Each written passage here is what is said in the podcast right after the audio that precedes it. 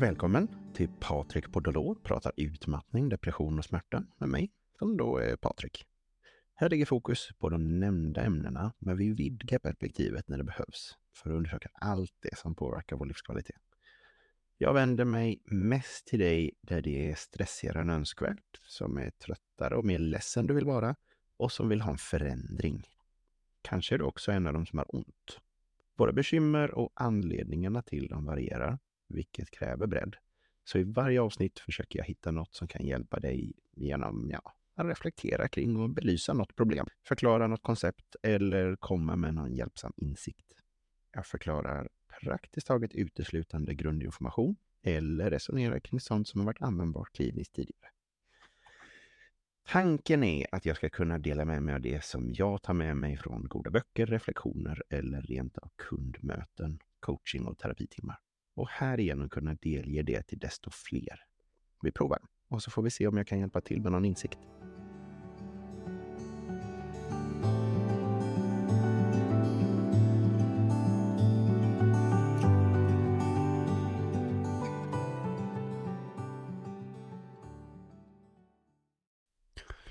Och så då över till det man kan tänka sig att de allra flesta som besväras intresserar sig av. Hur behandlas utmattningssyndrom? I slutet av förra avsnittet så kom jag in på det i ja, att det i mångt och mycket bygger på problemlösning. För det är ofta så jag känner.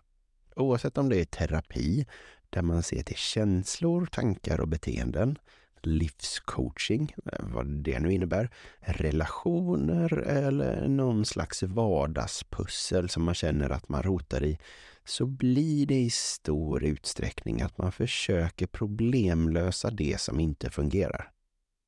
Med det sagt så är det såklart inte så att hela livet är ett problem som är till för att lösas. Men det är ju ändå de faktiska problemen i livet som vi försöker lösa, jag och de som jag ägnar mig åt. Metoden jag använder verkar kunna ge anmärkningsvärda framsteg på 12 veckor. Det är så långa projekt jag brukar föredra att göra för att det ska finnas tid nog att rota ordentligt.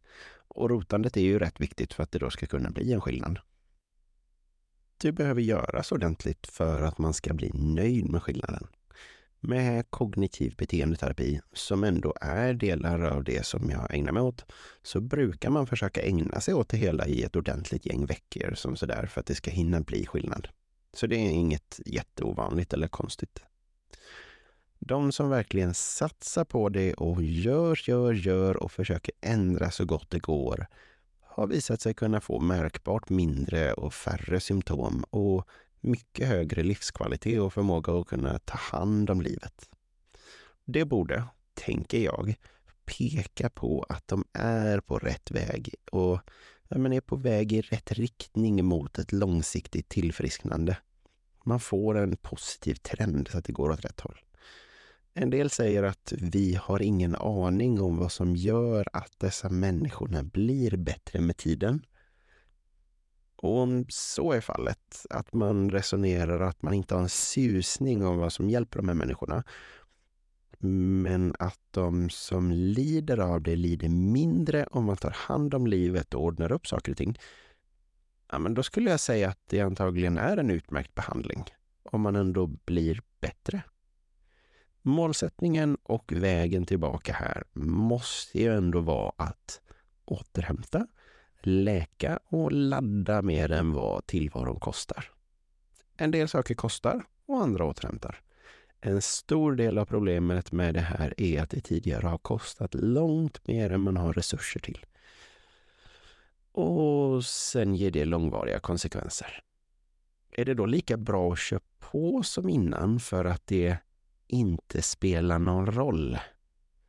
När jag har pratat med människor som har försökt få hjälp från sjukvården med utmattning så har de fått höra en ja, mängd, i mina öron, ganska intressanta saker. En av dem som inte ens är särskilt ovanlig är att du är inte sjuk, du är inte utmattad eller du är inte utbränd eller vad man nu kan säga. Trots att det rätt, ja men perfekt passar in i eh, ramarna som finns. Mest av dagarna tillbringas i sängen med att de bryter ihop eller bara är förvirrade och trötta. Helt förstörda och oförmögna att leva ett anständigt drägligt liv. Men de får ändå höra att de är okej okay och uppmanas som att ja, iväg med dig och kör på som innan. Vissa läkare säger att det finns ingen evidensbaserad behandling för utmattningssyndrom som har visat bättre resultat än någon annan. Jag är inte riktigt säker på vad jag ska ta mig... Ja, vad tar man till sig av det? Betyder det att det är irrelevant vad du gör? Att du inte kommer göra några framsteg ändå? Eller att du blir bra oavsett vad du gör? Den enda logiska slutsatsen är, ja, men av ett sådant uttalande, det borde vara någonting i form av att det inte är någon idé att försöka någonting specifikt alls. Någonsin. Och slutet av det citatet, som ändå kommer från en högt ansedd svensk läkare, är mer än att anpassa arbetsplatsen. Till exempel att en arbetsgivare som hjälper till med att anpassa arbetsplatsen säger välkommen tillbaka och stöttar den anställde. Det kan göra att sjukskrivningen blir kortare. Allt vi har försökt hjälpa patienterna med när de drabbats av utmattning påverkar inte sjukskrivningens längd. Citatet här är från ett svenskt tv-program som främst arbetar med någon slags ja, undersökande journalistik. Och jag är inte helt säker på att jag håller med. Eller ja, jag skulle egentligen vilja säga då att jag är rätt så bomsäker på att jag inte håller med. För man har gjort någonting och fått konsekvenserna av det. Att de konsekvenserna, ja, de, de är ledsamma. Och då vet vi att man inte vill ha mer av det. Så om A gav B så kan man inte rimligtvis göra mer av A, för man vill inte ha det där B. Kan man sedan dessutom göra någonting åt B, laga, läka och avhjälpa problemet som blev, så är det väl rimligt att man samtidigt som man låter bli att göra A, gör sina åtgärder för att åtgärda B vi har en hyfsad eh, aning om vad som händer med människor när de utsätts för långvarig stress. Vill man avbryta det negativa som pågår och börja vända på situationen så skulle jag absolut hur som helst säga att det krävs förändring. Något annat vore väl närmast magi, tänker jag. Om du är i en situation där du upplever eller har upplevt stress allt för länge så behövs det någon slags förändring för att det ska bli av med det som händer och så att du kan börja återhämta dig. Det fina med biologiska varelser och ja, biologiska delar av varelser, det är att de kan återhämta sig och läka. Men inte om man fortsätter göra då sagda A rimligtvis. Det gav ju B som du inte ville ha. Du hamnade troligtvis i den här soppan genom att göra det du brukar göra. Och då måste det förändras. Annars är du på samma ställe igen innan du vet ordet av. Om man med självskadebeteende tenderar att skära sig i handlederna och inte slutar göra det, men då kommer man inte återhämta sig särskilt snyggt. Samma sak gäller anorexia, stressfrakturer om man skulle fortsätta löpa på och just med det här.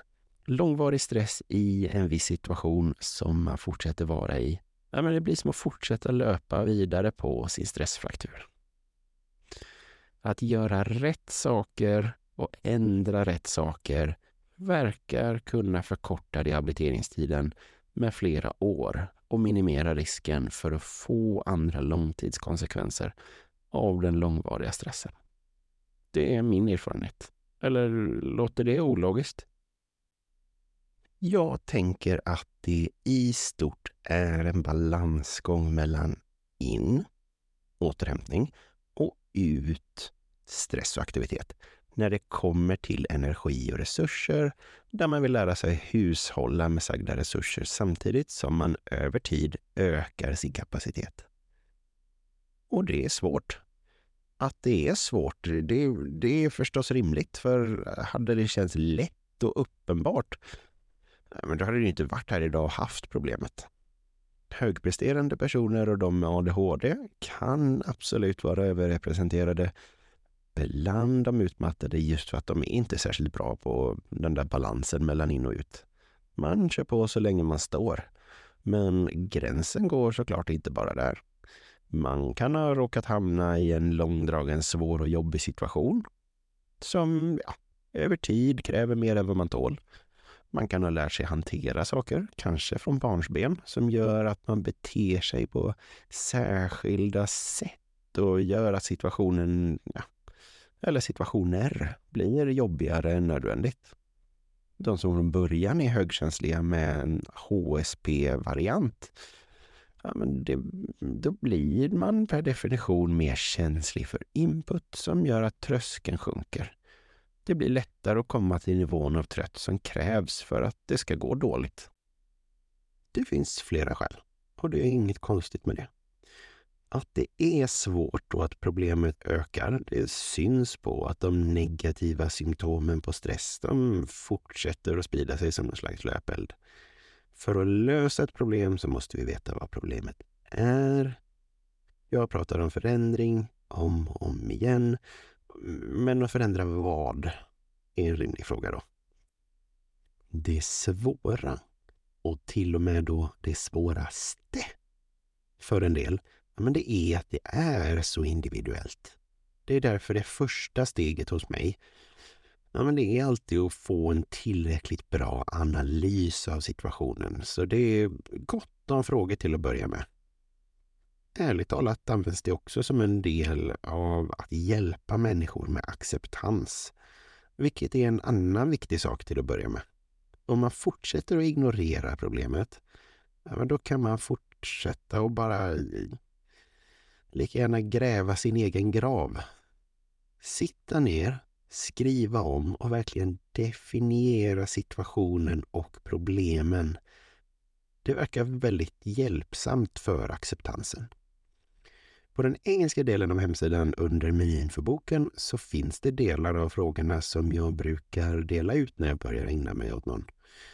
Det finns också en värt att tänka på-artikel på hemsidan som ifrågasätter och ja, men, bollar lite om livet. Den hittas under Dolor-menyn på hemsidan. Vi behöver ändra det som är dåligt. Återhämta, bygga kapacitet, jättegärna hitta någonting kul och härligt som gör livet värt att leva och ibland en massa andra grejer också för att det här ska bli så bra som möjligt.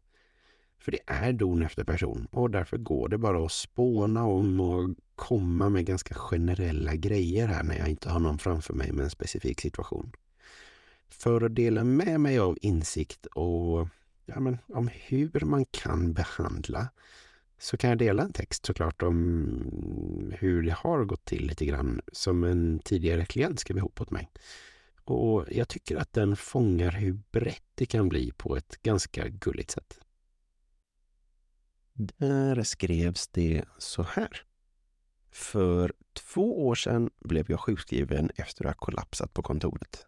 Det var inte första gången jag föll ihop, men hittills hade jag alltid lyckats komma på fötter igen. Jag pressade på lite till, vägrade ge upp, bara för att jag inte visste hur illa det var.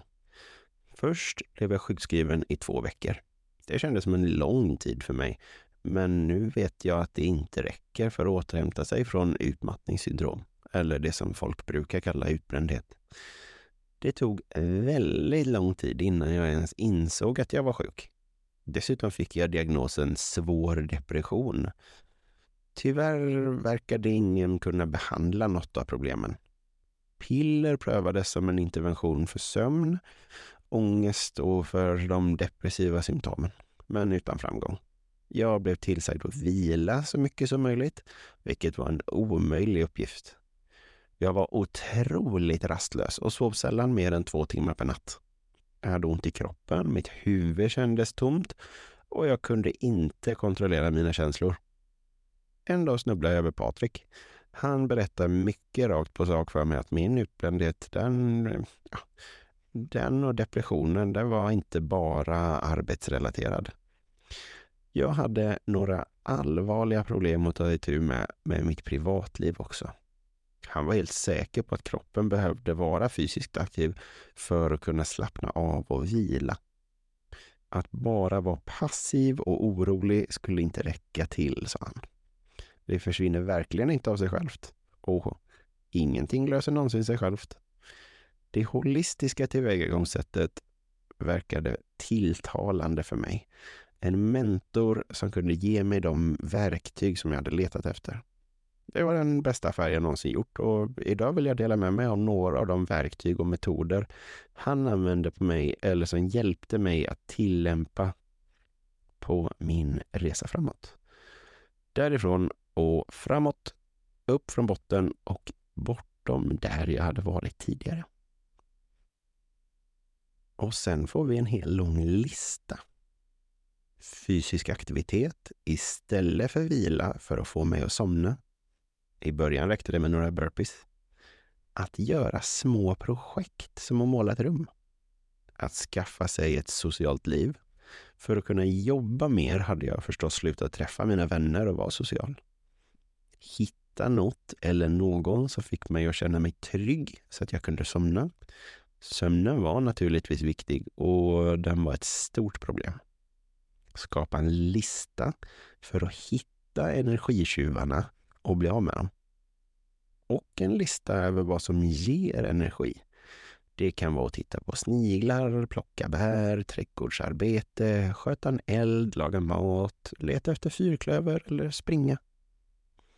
När jag mådde som värst ville jag bara ligga i fosterställning och gråta. Men det löser inte riktigt några problem. Så ännu en gång blev det behandlat med något väldigt pragmatiskt. Det var okej okay att gråta, men det kunde lika gärna göras när man tog en promenad eller under träning. Inte nödvändigtvis på ett kränkande sätt, eftersom gråtandet inte riktigt upphörde om man inte ingrep. Att göra någonting åt stressen bröt dock cykeln och gråtandet kunde upphöra. Bastu är perfekt för att låta kropp och själ slappna av. Varma bad tjänar samma syfte och fungerar lika bra. Tillbringa tid i naturen. Använd sinnena. Försök vara här och nu. Även då kallat mindfulness. Springa och gå. Varje steg räknas. Börja smått och gå sedan längre och längre och längre och i timmar. Skratta. Läs. Vad som helst. Till och med en barnbok om det är på den aktuella nivån. Ät riktig mat. Jag hade slutat med det för länge sedan för att spara tid och hälsoproblemen höll aptiten tillräckligt låg för att jag skulle kunna leva på praktiskt taget ingenting. Men det verkar som att vi behöver det där bränslet för att vara användbara för vad som helst egentligen. Dela upp arbetsdagen i korta sessioner, ta pauser, planera och prioritera positiva aktiviteter för att se till att de blir gjorda. Meditera. Ha tomma utrymmen i kalendern. Sluta oroa sig. Inse att ett jobb bara är ett jobb, inte hela världen. Promenera i regnet och ta in den friska luften. Bry dig inte om vad andra människor tycker. Jag var tvungen att acceptera situationen som den var. Det kommer inte alltid att vara så här. Och att jag inte riktigt var samma person som tidigare. Jag var tvungen att försöka sluta återgå till att vara den personen och istället gå framåt. Och till sist fira min födelsedag. Något som jag brukade undvika som pesten. Det här blir en ganska både lång och bred lista. Men mycket av det är väldigt grundläggande. Andas ibland, rör på dig, ät mat för bövelen.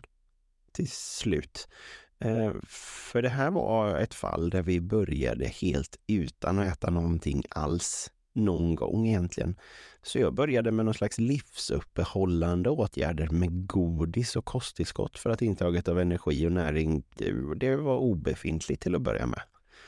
Så här blir det gärna när vi har behövt ändra massa grejer i ett liv som, ja, som kretsar uteslutande kring jobb, prestera där, agera dörrmatta, lida sig igenom hela arbetslivet för att vara alla eventuella chefer till lags och försöka vara bättre än alla sina kollegor för att glänsa för sagda chefer. Och kanske också då för att visa sig själv att man, man visst har någon slags värde som människa. Det finns många sätt att minska stressen. Men alla sätt passar inte för alla individer.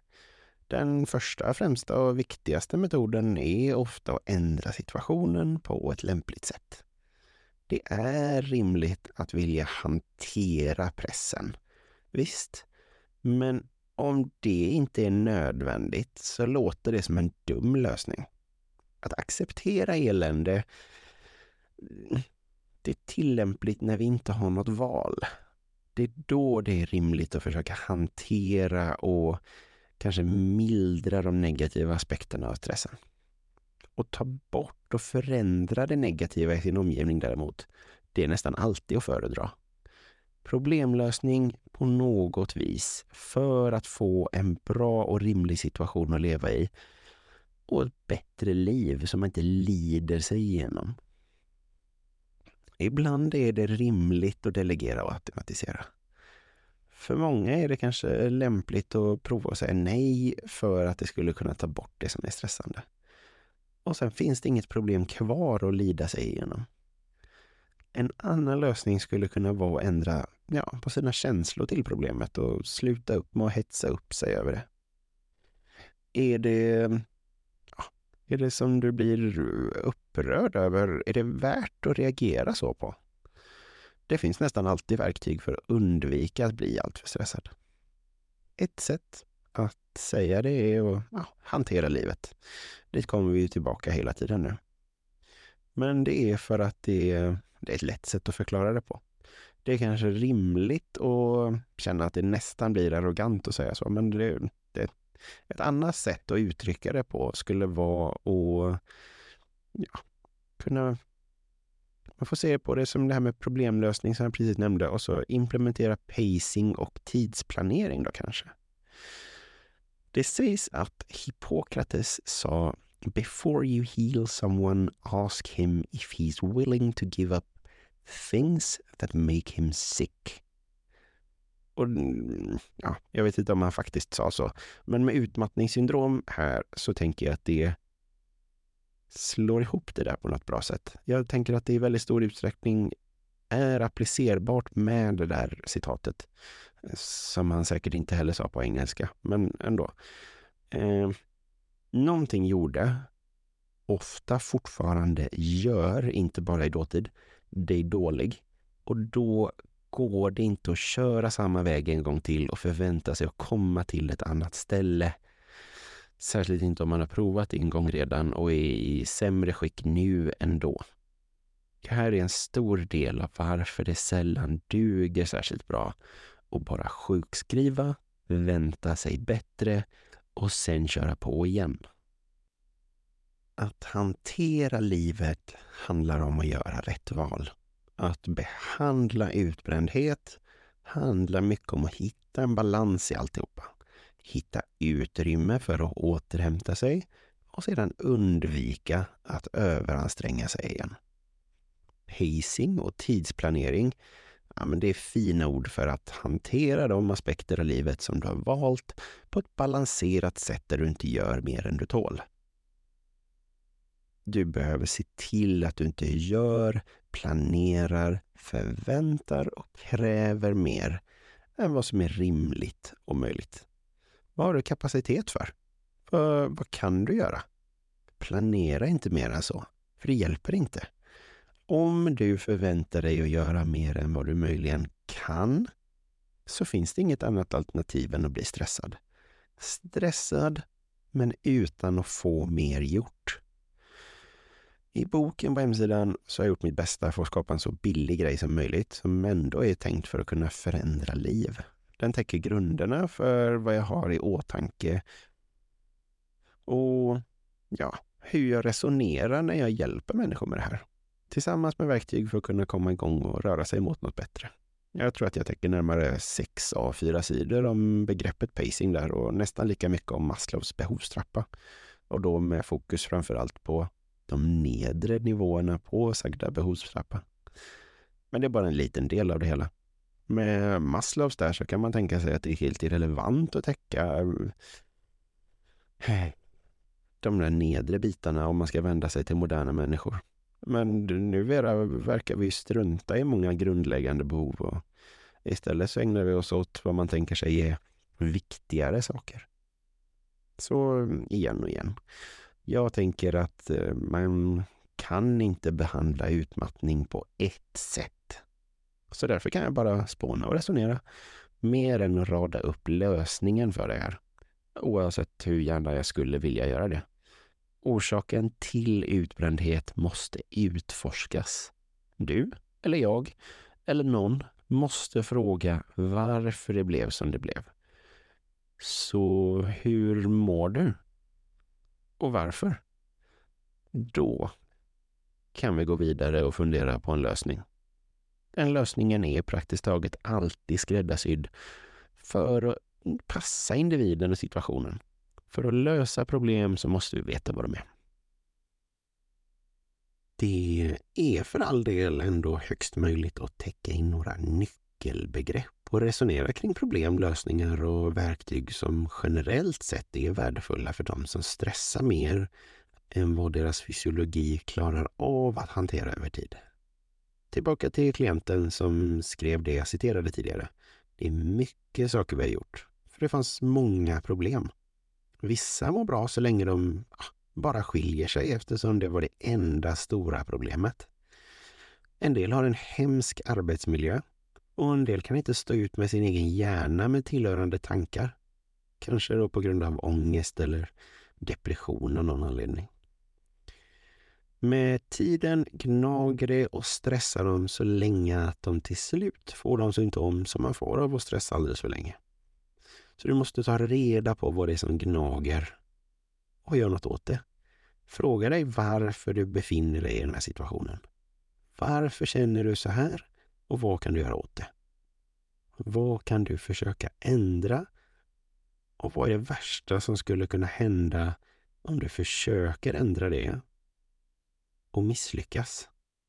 Är den konsekvensen värre än om du stannade kvar och inte gjorde någonting?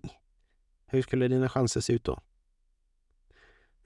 Ambitionen när jag hjälper till med de här, det är att lära klienten att ta hand om sig själv. Återigen så låter det simpelt, men det är nästan aldrig lätt att göra det själv för att ja, bara beteendeförändringar är så svårt och mycket av det här grundar sig ofta i saker som är väldigt mycket en själv och ens egen person. Perspektivet är också så väldigt svårt när man är mitt i soppan själv. Så med dem jag hjälper personligen så tränar vi ofta på saker. Jag vill bolla, experimentera och träna på nytt eller gammalt bortglömt som får dem att göra annorlunda till slut. Ambitionen är att hjälpa folk veta bättre så de sen kan hjälpa sig själva. Ofta är det viktigt att göra sånt där för att lära sig att ransonera med energi och ladda batterierna mer än de dräneras över tid. För att man ska kunna läka från den långa processen, ja, den långa perioden med stress som man har haft. Om vi ser till den tidigare nämnda klienten så kan behandling av det här, mm, ja, det kan också vara svårt. Om, för det handlar om så många saker där man vill kunna peka ut dem för att kunna göra någonting åt dem. Du äter ju knappt. Det kan man se med en kostregistrering. Men det var knappast slut där efter att ha lärt sig att det bara är prestation som är väsentligt och att alla är viktigare än dig, som man hade lärt sig under barndomen. Det är sen följt av riktigt dysfunktionella förhållanden som inte var mycket bättre än barndomen och i regel så landade man på arbetsplatsen som någon slags hackkyckling. Många saker, det är brett. Det är mjuka värden och det är väldigt mänskligt väldigt många gånger. Det är ytterligare en sak som jag gillar med att göra som jag gör. Med det där att kunna ta sig tid och bolla saker ordentligt. Det är rätt fint att kunna ta sig den tiden just för att det inte är landstingsanslutet på gott och ont. Så man måste hamna i ett visst sätt att göra saker på. För där handlar man nog om det är landstingsanslutet. Att det tar tid och att det är brett, det gör inte lika mycket när det görs i projektform, tänker jag. Då, då räknas det ändå inte riktigt minuter hos mig. På vårdcentralen så händer det att man får ett fåtal minuter med en läkare om man tar sig dit. Eller kanske upp till en timme med en fysioterapeut eller psykolog. Och förhoppningsvis får man åtminstone ett gäng besök innan man blir tillsagd att man får sköta sig själv. Ofta är det om man har tur. Det kan hända att man får höra redan första besöket att de inte kan hjälpa till med någonting trots att man som patient upplever enorma problem. När man behöver se över många parametrar så händer det att det tar märkbart med tid. Och då kanske det är nödvändigt att ja, lägga ner den tiden så att man kommer någonstans. Andemeningen och målet med att försöka mota bort utmattningssyndrom är att man vill öka energireserven, lugna ner för att inte fortsätta bränna ljuset i båda ändarna och ge möjlighet att bli av med alla obekväma symptom. Symptomen är därför att man har gjort det man har gjort, så det blev obekvämt. Men det obekväma gör också att man sjunker djupare för att de bidrar till ett ökat lidande och således ett ökat stresspåslag och en ökad energiförbrukning om man nu vill kalla det så. Det här benas ner i någonting lätt här. Visst, målsättningen, lite som att sätta en raket på Mars eller ja, det är också lätt sagt. Ibland med beteendeförändringar så känns det kanske mer som att valla katter ett par ord som väl låter lätt nog, men som känns hopplöst om man försöker. Sisyfosarbete, ja det är bara ett ord. Men det är också lite av en förklaring av det här, för när man väl har satt sig i den här soppan en gång och varit där så kommer man antagligen vara känsligare för det sen. Och då blir det viktigt att man jobbar på under lång tid för att verkligen fortsätta vara snäll mot sig själv för att på riktigt rota i varför vi blir utmattade så behöver det individualiseras. Vad är det som verkligen hemsöker, jagar och stressar dig? Vad är det du tänker på på nätterna? Vad är det du inte kan sluta grubbla på? Och var ligger ditt konstanta fokus även när du försöker göra någonting annat? Är det nödvändigt och finns det där av en god anledning? Varför stressar du dig? Och vad kan man göra åt det? Det kan finnas ångest, sömnbesvär och depression. De hör hit allihop i stor utsträckning och kan dränera enorma mängder energi. När de är faktorer så vill man lära om och lära rätt igen. Man kan behöva påverka och hantera känslor och ändra beteenden som leder till att det, ja, det blir som det har blivit. Oftast behöver man påverka sin tillvaro, sina sociala faktorer som är viktiga för att leva i en lugn, trygg och bekväm nog tillvaro. Man vill med sitt sånt där biopsykosociala perspektiv se till att individen får nog förutsättningar för att kunna återhämta sig och läka. Att bara säga att vi inte har någon evidensbaserad nog behandling ja, det är inte gott nog. Det är bara att strunta i problemet, att komma med en ursäkt och inte ens försöka. Vill man ha hjälp med det här så brukar jag göra allt jag kan för att inte strunta i problemet. För här vill jag hjälpa till. För inte bara verkar det funka riktigt bra, det är oftast en väldigt intressant och givande process under tiden också. Om man bara försöker tillräckligt. Tidigare klienter har uttryckt saker i samband med om det inte vore för dig så vore jag död. Så för en del så verkar det kunna göra otroligt stor skillnad och kunna få tillräcklig handgriplig hjälp.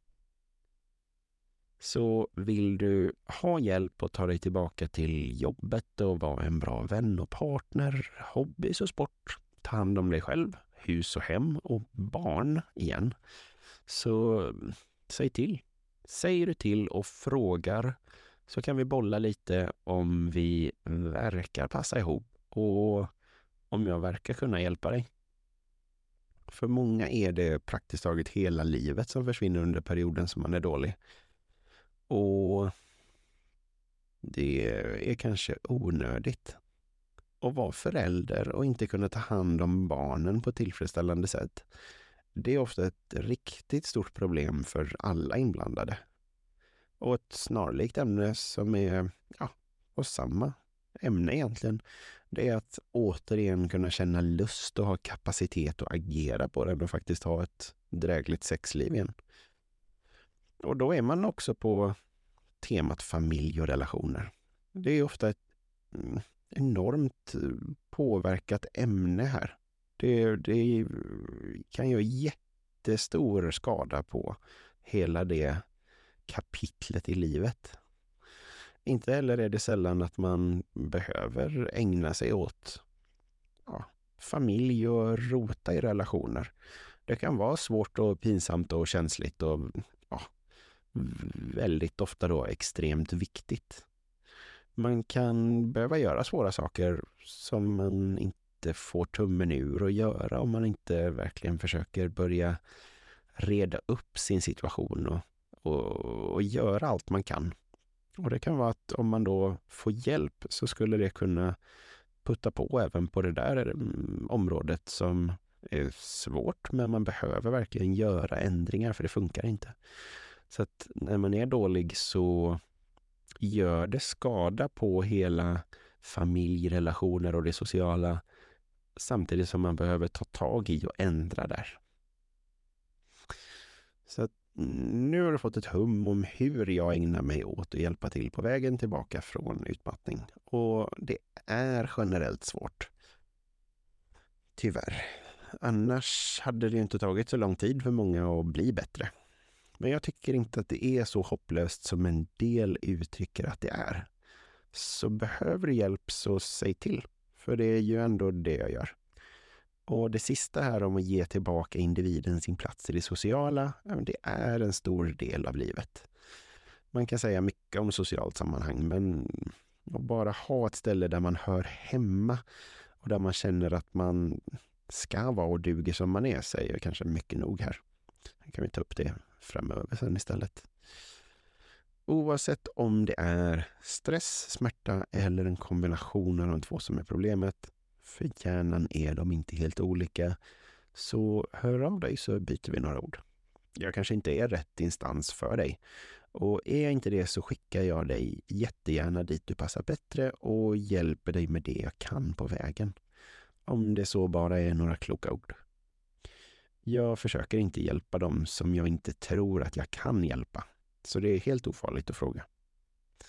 Lycka till på vägen oavsett, så hörs vi förhoppningsvis i nästa avsnitt, oavsett om du hör av dig eller inte.